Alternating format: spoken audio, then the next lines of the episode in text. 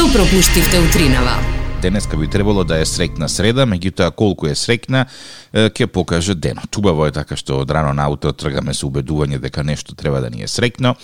Некогаш тоа е така, некогаш за жал тоа не е така. Е, тоа е реалноста, нешто со кое што мора да се помириме и мора да го прифатиме.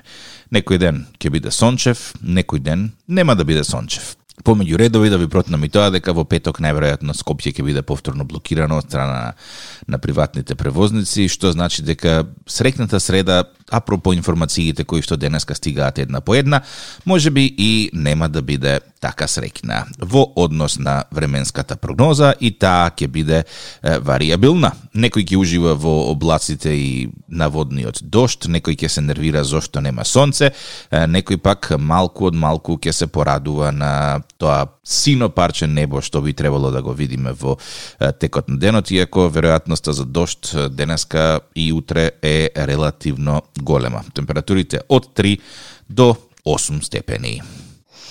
Добро утро. После ова се што кажа, мене ми останува само да ви кажам дека тек так е во право во однос на тоа какво ќе биде времето. Денес очекува тикот на целиот ден да ни врне, а и утре исто така, односно во поголемиот дел од денот. Она што е неизвестно е каков ќе биде петокот, иако велат дека ќе биде облачен, односно променливо облачно и сончево време, за петок пак се очекува друг проблем во е, градот, односно во Скопје, а тоа е метежот, собраќајниот метеж, доколку не се решат оние проблеми кои што во моментот се соочуваат превозниците на, на приватен превоз. Она што можеме од овде да го направиме е да ви посакаме добро утро, да слушаме одлична музика, да се мобитиме на разноразни теми. Ваше е да се приклучите или да не се приклучувате ако немате што да ни кажете по повод тие теми кои ќе ги отвараме и затвараме.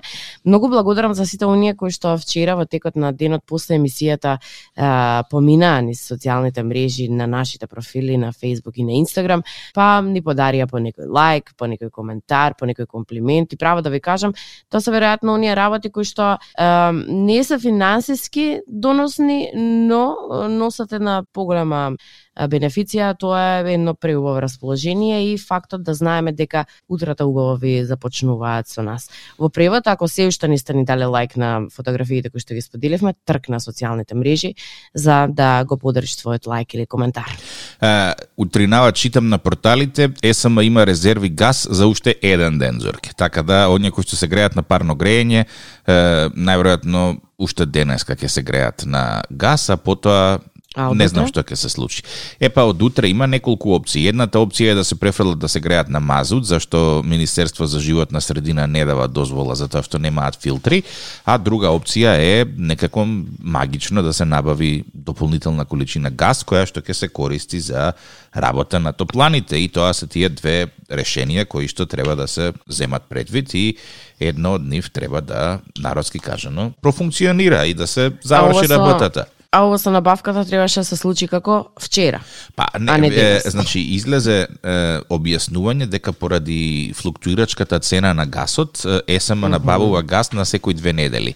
Тоа ти е кој да кажеме, знаеш, она живееш во некоја приградска населба, ајде да се изразам така вулгарно, имаш тука малско гранапче у кое што секој ден си подкупуваш леб млеко и јогурт и патлиџан, а еднаш во неделата возиш во градот во голема набавка. Така и овиот што купуваат газ, ЕСМ или кои да се веќе што го работат парното, значи они на две недели домакински си купуваат си купуваат газ нели чекаат цената да падне, Така. валјда стига некој код маркетина што имаат каталог со производи, стига и некој каталог со цена на Каталог на газ. Да, о, денеска овој газ толку чини, оној газ толку чини. Гјоко Турисол, што правиш? Чедо, се Не, губиш? Добро утро. Добро утро. Ме слушате? Те, и како да си до мене? Токо Турисол има решение за како беше електро, стопанство, што не могло да има. Газ. М, Ама Евана имаат струја. Аха, аха, аха. Знаеш ти колку е скапо тоа? Има струја. Имаат и сметки. Давам предлог до сите нека си купат клими и да не ја рекламирам мојата фирма, нека видат која клима има 10 години гаранција. Добро, фала ти. Тоа е интересно звучи, ама многу клими значи дека ќе има дефицит на струја. Се што има многу, потоа снемува со тек на Потоа има малку. времето, да, па се. Поарно да, да, да ти биде ладно со джемперче да си седиш дома, отколку да ти биде и ладно и темно. Ами сега решението на, на Турисол не знам колку функционално е во смисла на ако немаш пари во моментов. А, Еве и не да викаш. купам. И тоа што викаш. А излегува некои вести на интернет кои што може би ќе ве заинтересираат, односно ќе ве привлечат да ги препрочитате. Меѓу другото, утринава ме дочека вест дека германската влада е соочена со недостиг од стручна работна сила, па си направиле план како да си привлечат луѓе кои што ќе им се најдат во смисла ќе си стекнат државјанство во Германија и така натаму и така натаму. И она што мене многу ме интерес ме заинтересира беше моментот дека на пример за да сакаш да речеме да аплицираш во Германија имаш табела на бодови која што ти носи по поголем број на бодови зависно нели колку си, колку си здрав, што работиш и така натаму. И по тој принцип ќе се бодуваат и ќе се покануваат луѓето да бидат граѓани на една држава. Гледај како тоа функционира. Маша. Да речеме различни држави по принципот на тоа нели дали сакаш да бидеш нивни граѓани, имаат различни а, услови. Да речеме, не знам, треба да имаш ова, тоа, толку време да си тука жител и така натаму. Видева како, како се математичко е. Се е математичко. Ке си Германска решиш, прецизност се вика тоа. Така викаш, а? Ке си го решиш тестот, ке си се избудуваш сам себе си, ке видиш дали ти е местото овде, односно таму или не ти е местото и тоа е тоа. А, вакви принципи, односно вакви примери може да се земат веќе од неколку земји, меѓу кои Канада и Австралија, и германците размислуваат да го воведат истиот принцип за да видат, односно да, за да си ги привлечат најдобрите кај себе си, да си живеат, да си работат, да си функционираат и воено да допринесат нивната земја нели да се развива. И сега се прашувам колку е ова паметно или не е паметно. Од една страна нели гласно и јавно си ги повикуваат сите оние кои што да речем имаат некоја посебна квалификација или занимање да дојдат да бидат нивни граѓани, односно жители, затоа што барем кај нас многу е популарно тоа да се оди да се работи во Германија, меѓутоа ретко кој може да остане нели таму, заради тие некои посебни услови кои што до сега ги побарува. Но сега, откако сето тоа се е, поедностави, да речем, одиш веројатно на некоја, така јас си замислувам, одиш на некоја веб страна, си проверуваш колку си рангиран, си гледаш дали имаш доволно Да, Знаеш така функционира факултет? тоа за за Канада. Како Пишуваш таму образование, вака, онака, ова имам, она имам и вика, ап, ти, ти се квалификуван. А, супер. Аплицирај. едноставно. да. Така едноставно тоа е опцуп. Да речеме за Америка нели овие грин не знам Тие на лотарија така ги даваат, Да, тоа, тоа е ефтена. Многу е филмска направено. Вие сте добитник на нашата виза. Кај нив е се филмски направено. Холивуд шоу Ја бизнес. очекувам нешто такво ако ми се случи да дојдат од денешка два пати да ме сликнат така чик чик моментот на изненадувањето. Како леле фала ви мислам. Океј. Во Австралија и во Нов Зеланд бодувањето е така за виза. Пишуваш какво образование, колку образование, едно, друго, трето и опцуп ти вика, имаш толку поени, а пропо со толку поени значи дека ти се квалификуваш. И ако се квалификуваш, ти велат супер сега ти можеш да продолжиш понатаму со процесот на аплицирање за виза. Ако немаш толку поени колку што бараат минимум, ти викаат, чао џаци, оди поднаучи нешто друго или Па може повторно да си ја пробаш среќата. Да, буквално, буквално како, така. Како видео игра со, со левели, разбираш? Прв левел, да ја најдеш веб страната. Втор левел, да впишеш која е твојата возраст, пол, не знам, занимање и така натаму. Е, трето, третото ниво е да разбереш дали можеш да, да проложиш во ниво 4, а тоа е да аплицираш некако за да можеш да останеш. Па ниво 5 и така натаму и така натаму. И многу непознати, нели, па дали треба да одиме, па дали сакаме да одиме, па дали воопшто општо вреди да се напушти да речеме домашното гнездо за да се појде на некој друго место да се ризикува, па дали животот там и така натаму и така натаму, значи тие погорните нивоа веќе содржат во себе многу непознати, кои што само човек кој што ептен сака да замине некаде, може да се соочи со нив, односно ќе има сила да се соочи со истите. И сега ова се прашувам. Свесни се дека одеднаш веројатно ќе ќе има наезда на луѓе кои што сакаат да се преселат и ги имат потребните бодови.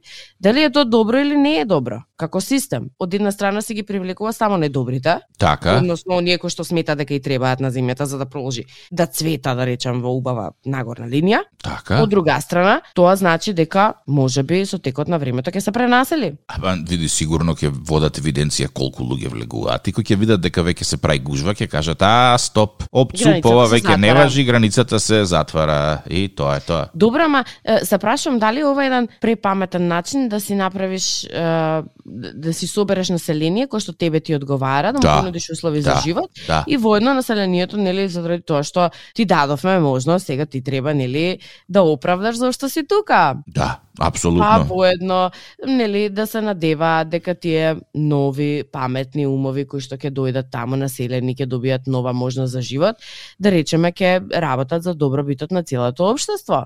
Види, тоа е, е пазар малку поинаков од оној што што ние го знаеме. Тоа е стратешки пазар.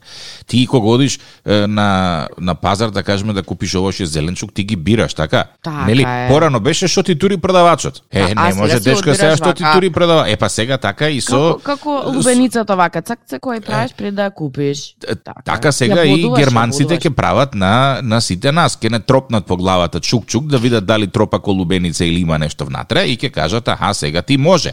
Е, ама гледаш, они тие се бараат со добри потенцијали, вели. Значи, со новиот закон лицето од земјите надвор од Европската унија со добри потенцијали би требало да им биде овозможено доселувањето во Германија со цел да бидат вработени. Се прашувам ако ние одиме по овој систем, какви добри потенцијали би барале? дали е братучет на Ѓуро од Месен. Дали има имаме, тесна малку. поврзаност со Лилица од Милица од Ѓуро од Ресен? Ама не, добро, еве нас ни треба исто така работна сила, знаеш? Знам. Е, Каква ама, работна сила ни треба нас? услужна дејност. услужна дејност. Дали можеме да направиме систем на бодување за да при- привлечеме лица кои би работеле во услужна дејност? А со што ќе ги привлечеш, Зорке? Зеленила, 300 евра. чиста вода, преубав жив... Зошто се смееш па многу е убаво да се живее тука? Е, сега, ќе го, види на рекламата, ќе го зацкриеме делот со сообраќајниот метеж. Ќе ќе извадиме некоја слика од Тоа. партизанска од од 82 Во година. четири сабајле, во четири сабајле партизанска. И а, да речеме, ама тоа тоа е монтажно веќе, ме разбираш, тоа е веќе во, во постпродукција што ќе се монтира, што ќе се стави на видео спотот. Ама имаш, да речеме еве што што би им понудиле ние за да ги привлечеме лицата од услужната дејност. Хм. Ќе ставиме двајца тројца да кажат, овде е многу убаво за живот. Знаеш како на рекламите да речеме за некој производ? Од кога почнав да го користам, животот ми се смени исто. Овде е многу убаво за живот, животот ми се смени од кога се родив тука, на пример, така. И пошто човекот не бил на друго место, не знае да каже за друго место, и така да го зачиниме. Ние сме мајстори за добри реклами, Така мајстори. Треба да го земеш било кој производ на телевизија, некоја реклама што многу се врти во во прайм тајм да речеме, и да видиш, од не за да ги украдеш сегментите, направиш два-три видео записи, пуштиш тоа нека тече, сами ќе доаѓаат луѓето. Ага. Нема да има потреба ни да ги барам. Зорке, предлагам на следните некакви избори веднаш да се е, кандидираш. Ау, Мислам дека Боже. имаш брилијантни идеи. Не дај Боже. Тик-так и Зорка Радио Денеска е 30 ноември, последниот ден за овој месец, ден кој што го одбележува е, еден многу интересен празник, според мене. А тоа е? Тоа е меѓународниот остани дома ден затоа што не ти е ништо. Како, како, остани дома затоа што? Не ти е ништо. Да си земаш боловање, ама ништо да не ти е. Таков Види, ден е? е, па таков е меѓутоа не е тоа поентата. Е, оригиналниот назив на денот е Stay at home because you are well day. Нели сега секогаш велиш, а денеска останувам дома затоа што имам температура, денеска останувам дома затоа што е, детето е болно, денеска останувам дома затоа што треба да се прави нешто. Е, поентата на денешниот ден е да останеш дома заради себе си. Аха, да си посветиш време на сам себе, односно да си го земеш денот како слободен и како таков да си го посветиш само на твоите потреби и побарување и очекувања. Да, да. Или во превод ако јас би останала денес дома, би си го земала денот за спиење. Така некако му доаѓа? Така некако му Па доаѓа. денес Значи и се ти е времето е подмирено. совршено за, за да си останам дома и да си се наспиам. Уште да имам таа можност, да, да речеме. Еве, слушатели велат врне горе во во Сопиште. Кај тебе врне Зорке? Врне, да, цело време врне. А она што од слушатели можев да го видам утринава е дека Маврово е под снег. И Крушево вчера пратија фотографии Стража. дека е под снег. Имаше е, баш видео од стража каде што провеува снегче, меѓутоа улиците се уште, односно патиштата се уште не се подкри, покриени со снежна прикривка. Оно што како информација пролета овие денови е дека Македонија пат го следат времето и дека оваа година нема да бидат изненадени, останува да видиме нели еве доаѓа Како И- нема да бидат изненадени? Па нема, го очекуваат и бурно го следат е, секоја промена на времето и секое врнење на дошти на снег и дека оваа година ќе бидат подготвени за да се соочат со предизвиците кои што ќе ни ги е, донесе е, доцна есен, односно рана зима. Инаку, не знам дали ја следиш сагата на Црниот пантер, кој што се шета низ Балканот. Не, Не, не, не знам ни зашто станува збор, искрено да бидам. Значи, Црн пантер се појави пред неколку недели во Војводина. Чекај, ова сериозно како црн пантер, Како црн пантер, како животно, да. Добро. Излезе дека пантерот дошол во Војводина некаде од Унгарија. Првичната Брате, вест беше дека е, избеган од золошка, меѓутоа не е избеган од золошка, се јавија унгарците официјално и рекоа дека најверојатно најверојатно е некој пантер кој што е внесен илегално во државата и е чуван во домашни услови. Како тој пантер успеал да избега на собственикот во Унгарија, не се знае, меѓутоа И како дошол во вој во Војводина?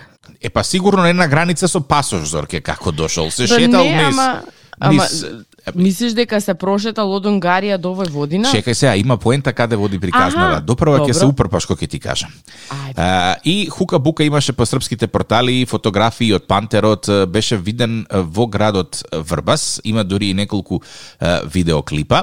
Па сите се обидоа да го заловат и да го однесат во белградската золошка, меѓутоа пантерот им дувна. Мгм. Е сега, неколку дена пантерот го нема во тој дел на Војводина. Опцуп вчера се појави некаде во друго место во Србија. И сега излегоа експертите кои што рекоа дека пантеров најверојатно бидејќи е чуван во домашни услови не е баш кадар да лови, со што баш и не се согласувам и не би сакал да осетам на своја кожа дали е така или не. Меѓутоа рекоа дека поради природниот хабитат и потребата да биде на, на топло време, Пантеров најверојатно се движи кон Грција, а патот до Грција води преку Македонија. Да, така да, е, веројатноста е дека за неколку дена, недели, зависи колку брзо се движи, е, пресметале дека за два дена поминало околу 80 километри, односно толку е просторната разлика помеѓу двете локации на кои што е виден. Така да, ако пантерот на вистина се движи кон потопла клима и оди во Грција, можда за некој ден ќе се појави некаде кај нас во Македонија. И тука јас и ти доаѓаме со едукативна улога да те обучиме што треба да правиш или што не треба да правиш кога ќе видиш пантер. Добро. Што треба да правиш, односно не треба да правиш кога ќе видиш пантер? Не треба да му викаш мјау мјау, треба да бегаш што е можно подалеку и А мобилен телефон може да го сликаме? Зорке, Селфи? какво е ова прашање? Значи треба.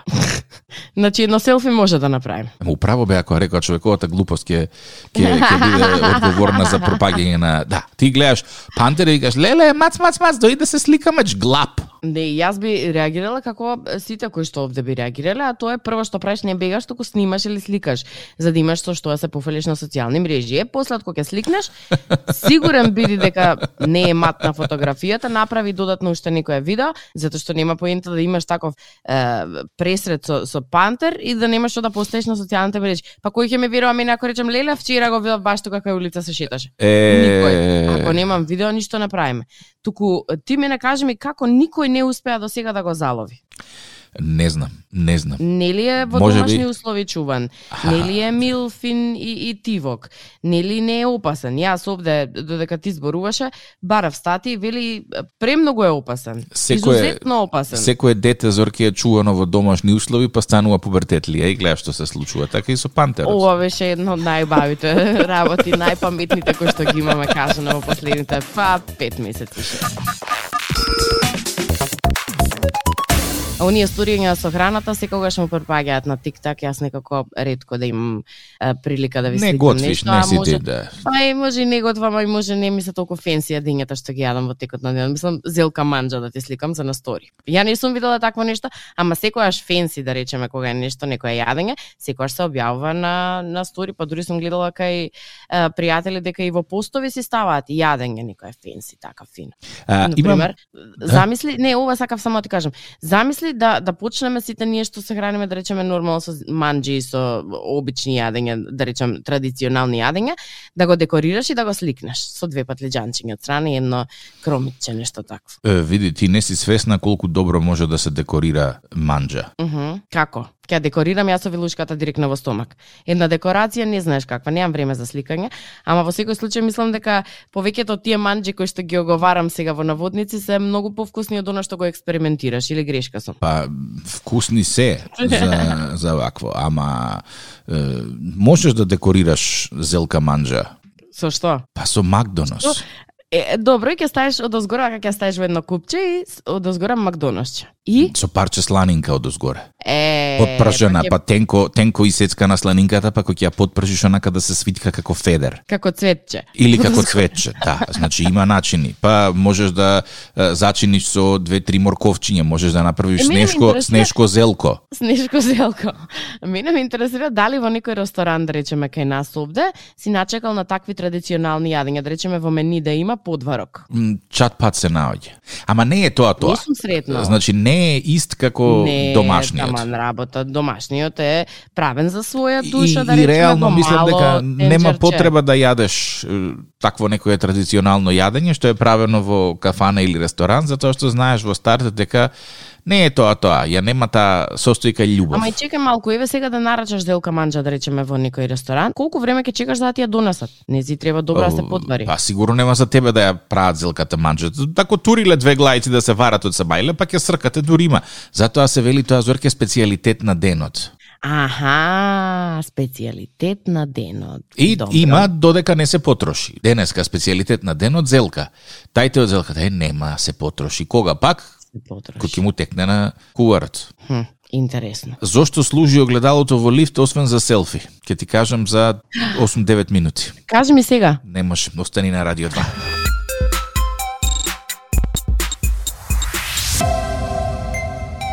дали си спремен за две математички загадки кои што ти ги а, должам од предходните неколку денови. Спремен сум. Цел сум уши. Значи, овие се логички математички загадки. Ајде, Можеме? може. Човек кој има 100 години и неколку месеци во текот на животот прославил само 25 родендени. Како е тоа можно? Роден е на 4, 29 февруари. Добро, не беше ова така тешко како што си мислев дека ќе биде. Сакаш едно? Да. Логиката ми е јака страна, давам одговори без мана, со зорка патосот го чистам, кога добри прашања да ми поставува. Добар си. Ако не не биде како радиоводители, секогаш како рапери може да се пробва. Ако на годините на мојот син додадете уште толку, па уште половина, ќе добиете 10. Колку години има синот? Уште толку?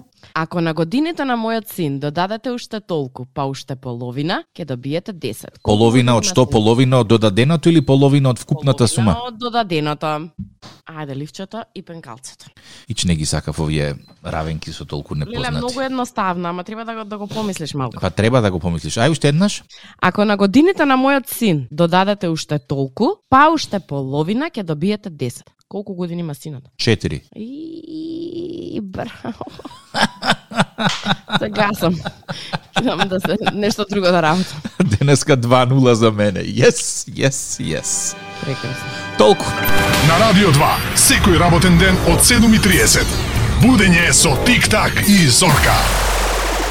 Во случај на неконтролирано смеење и симптоми на позитивно расположение, консултирайте се со вашиот лекар или фармацевт.